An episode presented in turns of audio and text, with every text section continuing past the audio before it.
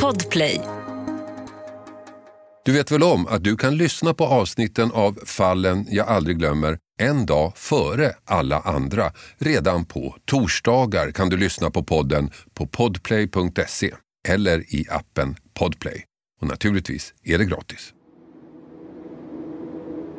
Det här var ett väldigt bestialiskt eh, mord. Det var liksom inte en kula i, i huvudet utan det var skärande våld. Och vi hade ju mängder utav, av vad det gäller spår. Ja, säcken knöts ihop inom 48 timmar. En mordutredning har ju tre stycken faser. Det är före, under och efter. Ingen människa dör så att säga by accident utan det finns alltid en mer eller mindre rationell förklaring till det.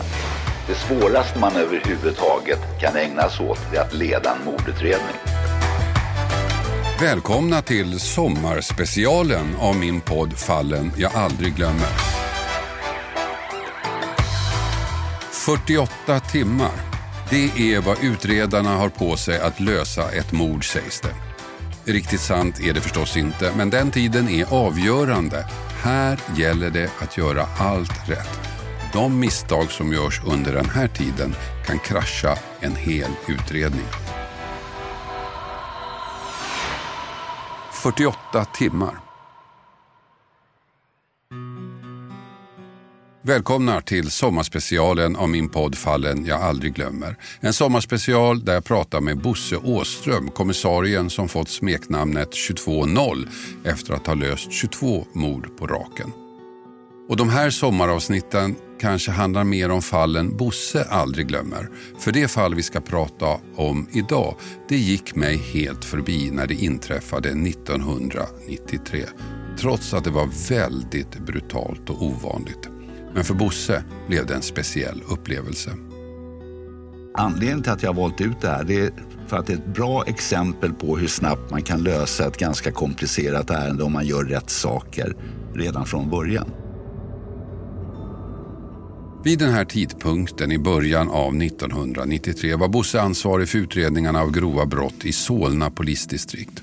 Och som chef hade han tagit fram en handlingsplan och skapat en organisation designad för att snabbt lösa grova brott. Vad som skulle göras och vem som skulle göra det. Så jag hade ju laguppställningar klara då i den här organisationsstrukturen som vi hade med vad det gäller en förhörsenhet som koncentrerar sig på vad det gäller offret. Vi hade en yttre spaningsenhet som ägnar sig åt vad det gäller eh, dörrknackning och andra saker. Vi hade då kriminaltekniker i en egen funktion och så hade vi då inre span som plötsligt började, direkt började veva runt på vad känner vi till om sådana här fall sedan tidigare och såg till att alla spaningsuppslag kom in, de registrerades och att man höll samman hela den här utredningen. Och sen på toppen så satt jag då som, som var LF-ledare. Men i den här organisationen fanns också en annan, helt annorlunda, men viktig funktion. En person vars uppgift var att hela tiden ifrågasätta.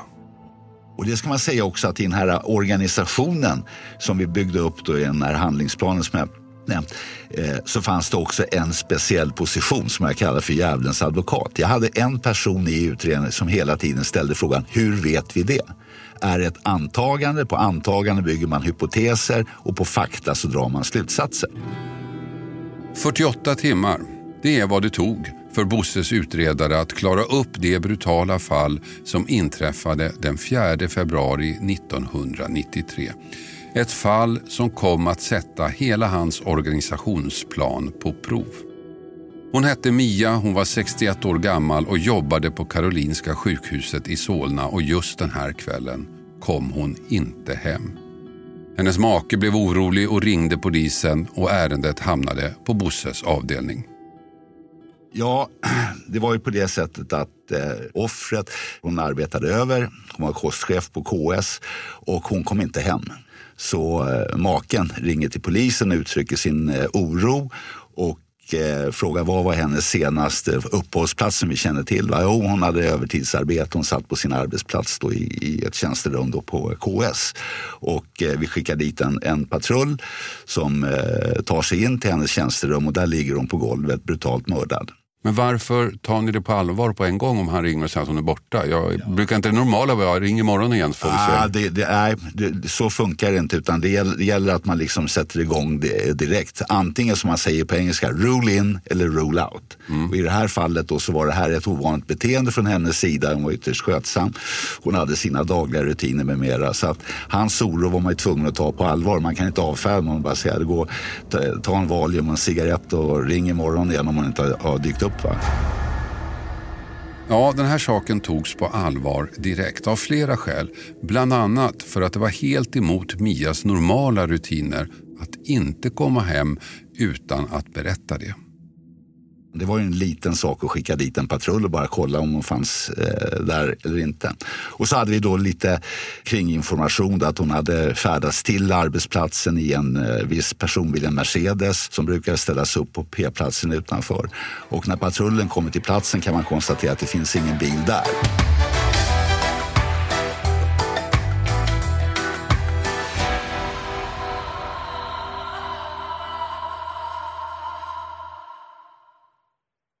Den här veckan har vi ett betalt samarbete med Hello Fresh. Världens ledande leverantör av matkassar hem till dig.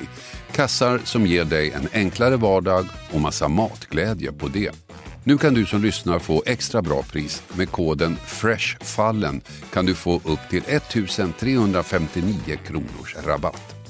Jag har testat flera matkassar och det är två saker som jag tycker gör Hello Fresh extra bra. Dels förstås att jag slipper planera mat varje dag. Menyerna finns redan där. Men också för att man får precis den mängd ingredienser man behöver. Det blir inte massa saker över i skafferiet. Inget matsvinn, inga bortslösade pengar. Och sen får man ju matglädje förstås, koll på budgeten och enklare vardag. Och också möjligheten att testa nya smaker med recept från hela världen. Allt är väldigt enkelt att laga, instruktionerna är glasklara. Så vill du få en enklare vardag, minska matsvinnet och testa nya spännande smaker. Gå in då på hellofresh.se och använd koden FRESHFALLEN. Den ger dig upp till 1359 kronors rabatt på dina fem första kassar plus fri frakt på första matkassen om du inte provat HelloFresh förut. Har du varit kund tidigare kan du också använda koden om du avslutat ditt abonnemang för 12 månader sedan eller längre. Tack HelloFresh! Den här veckan har vi ett betalt samarbete med Tre, ni vet teleoperatören. Den jag själv har faktiskt och är väldigt nöjd med. Men det är många som tror att Tre inte har särskilt hög täckningsgrad, vilket är fel. Och så är det ju faktiskt med mycket vi tror oss veta. Att det vi tror är sant kan vara falskt och det vi tror är falskt kan visa sig vara sant. Jag hade faktiskt ett telefonsamtal med en kompis för inte så länge sedan, via tre då förstås. Och vi snackade om myter. Och jag tycker mig ha koll på sånt, vad som är sant och vad som är falskt. Men det är inte alltid så lätt. Till exempel berättade min kompis, ni vet om myten att svalor flyger lägre när det ska bli dåligt väder. Falskt sa jag, men det visade sig vara helt sant.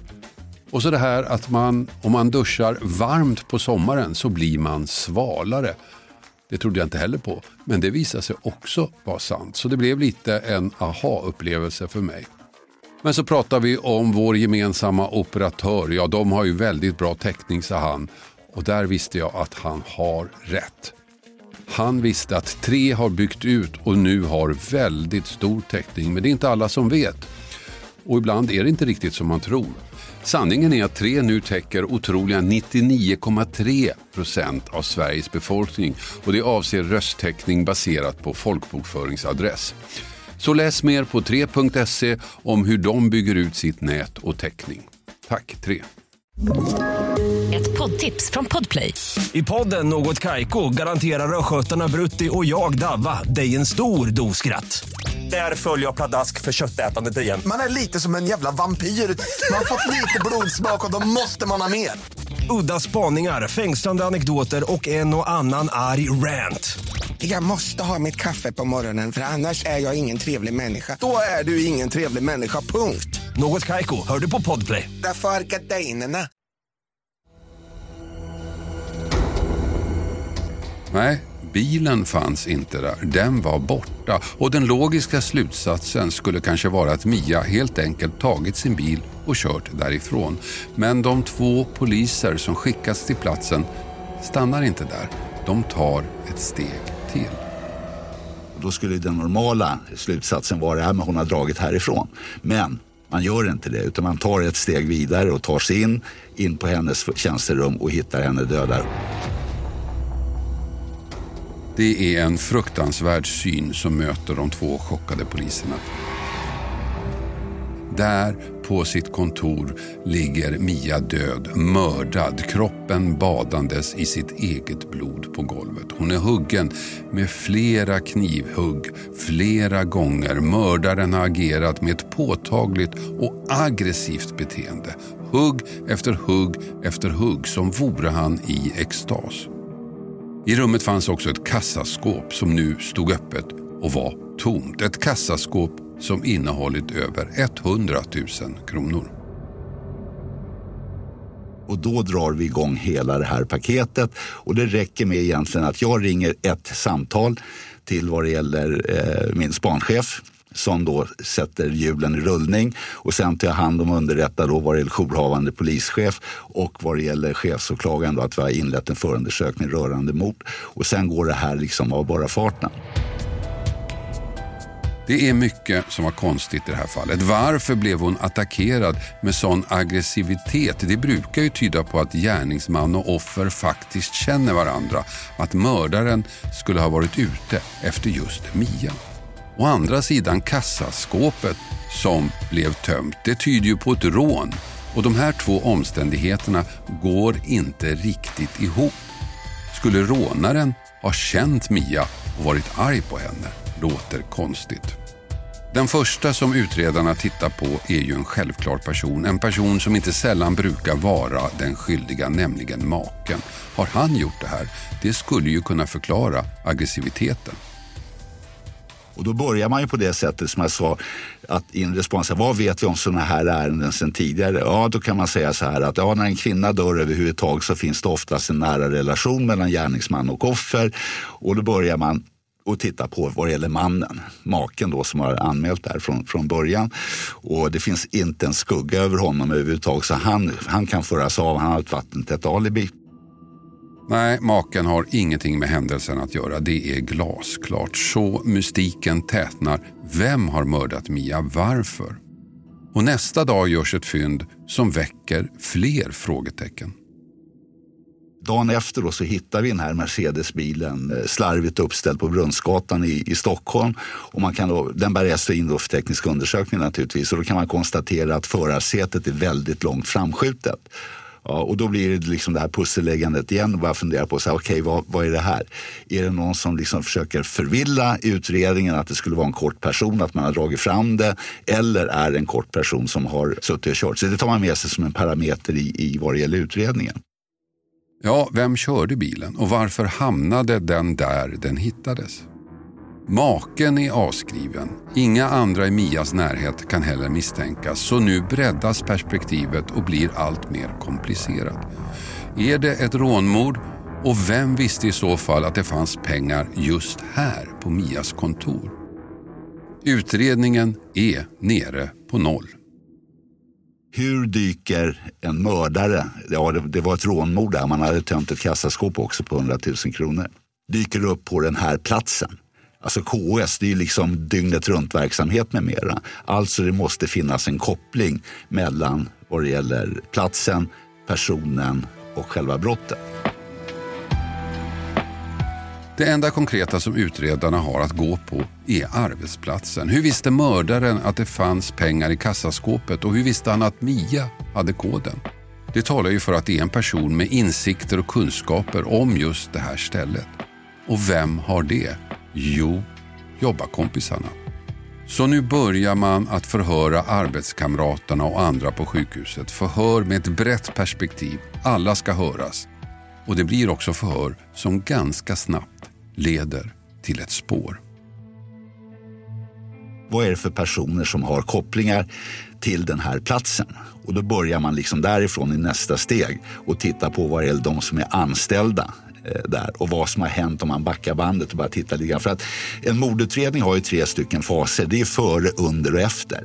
Och då, då fokuserar man på före för att ingen människa dör så att säga by accident utan det finns alltid en mer eller mindre rationell förklaring till det. Och då fokuserar man på före. Vad har hänt i tiden före det här aktuella brottet som kan ha betydelse för, för gärningen i slutändan? Och eh, ganska snart då så får man fram, eh, vi hörde väl ett 30-tal personer ganska snabbt. Och då fanns det en skärmytsling mellan offret och en tidigare anställd som hade jobbat i vad det gäller köket på KS men som hade fått sparken därför att han mer eller mindre var oduglig. Va? Och då var det ju liksom, då fokar man in på honom. Eh, eh det,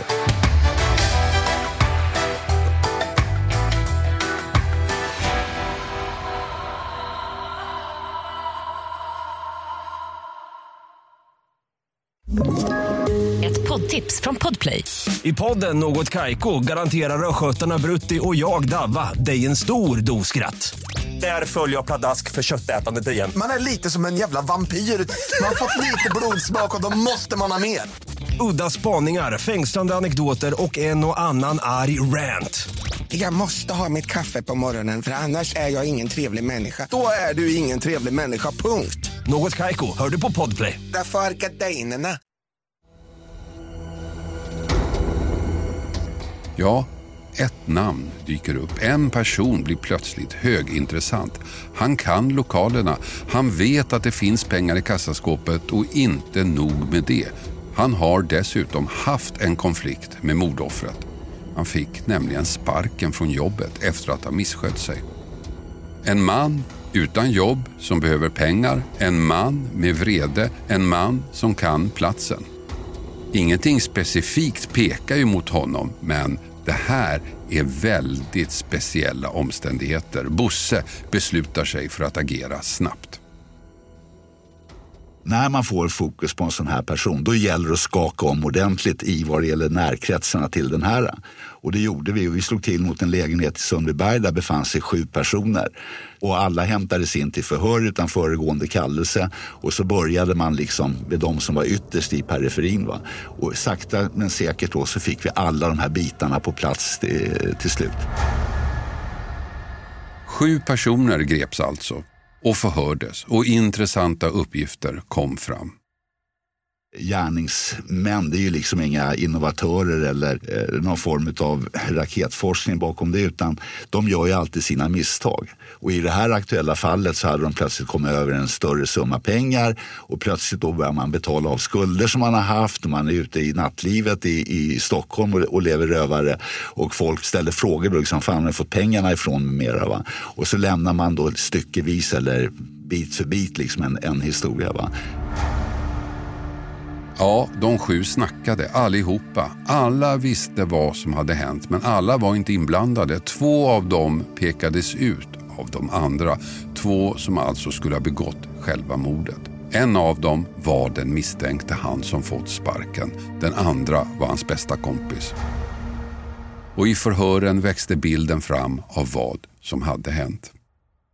de visste att hon befann sig på den här platsen därför att det ingick i hennes rutiner så att säga att hon då några kvällar i veckan, eller några kvällar i månaden ska jag säga, liksom gjorde ordning då vad det gäller bokföring och du vet allting som, ja, som en kostchef då rimligen eh, håller på med. Och eh, så har man väl haft någon form av koll att det har lyst, i, eh, lyst har varit påslag till hennes tjänsterum med mera. Och så har man tagit sig eh, in, in i lokalen eftersom man tidigare haft eh, tillträde eh, dit. Övermannar eh, kvinnan, hittar nycklarna till kassaskåpet, mördar henne, tar pengarna, tar hennes bil och åker från platsen. Och bilnyckeln hittades sedermera också hos en av de här eh, misstänkta personerna.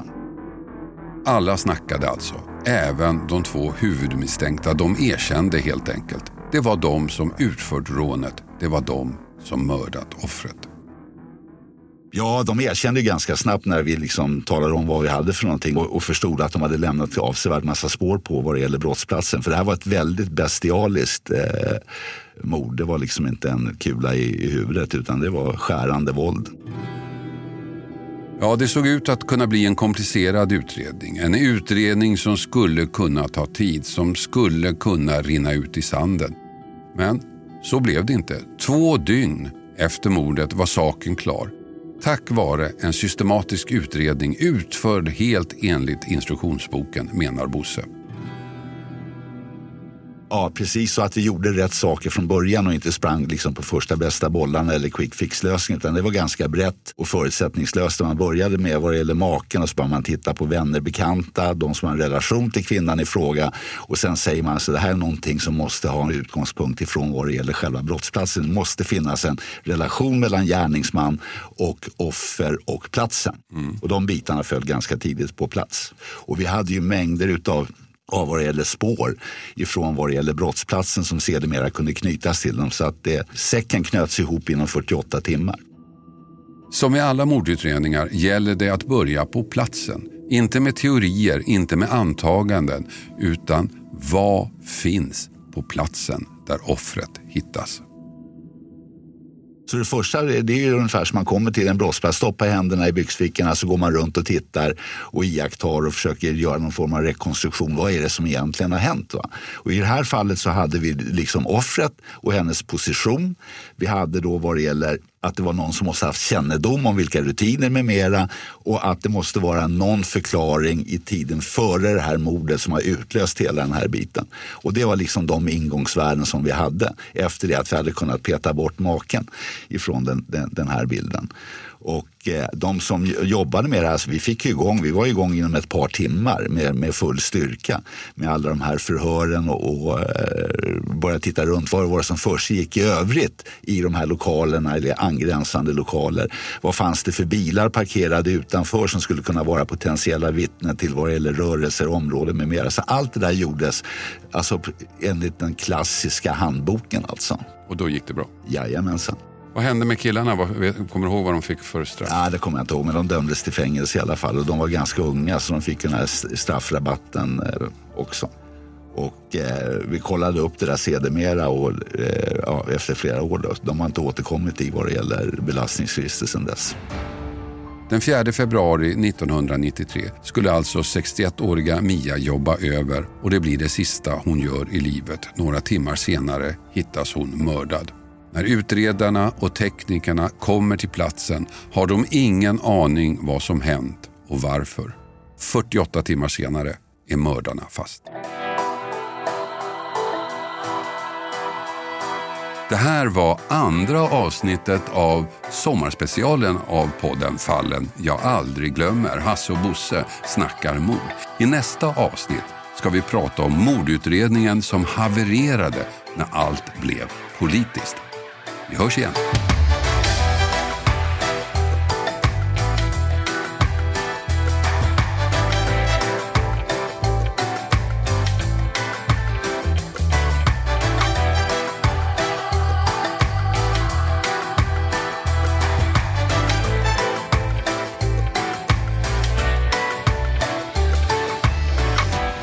Du har hört podden Fallen jag aldrig glömmer. Klippning David Davva Persson. Och jag heter Hasse Aro.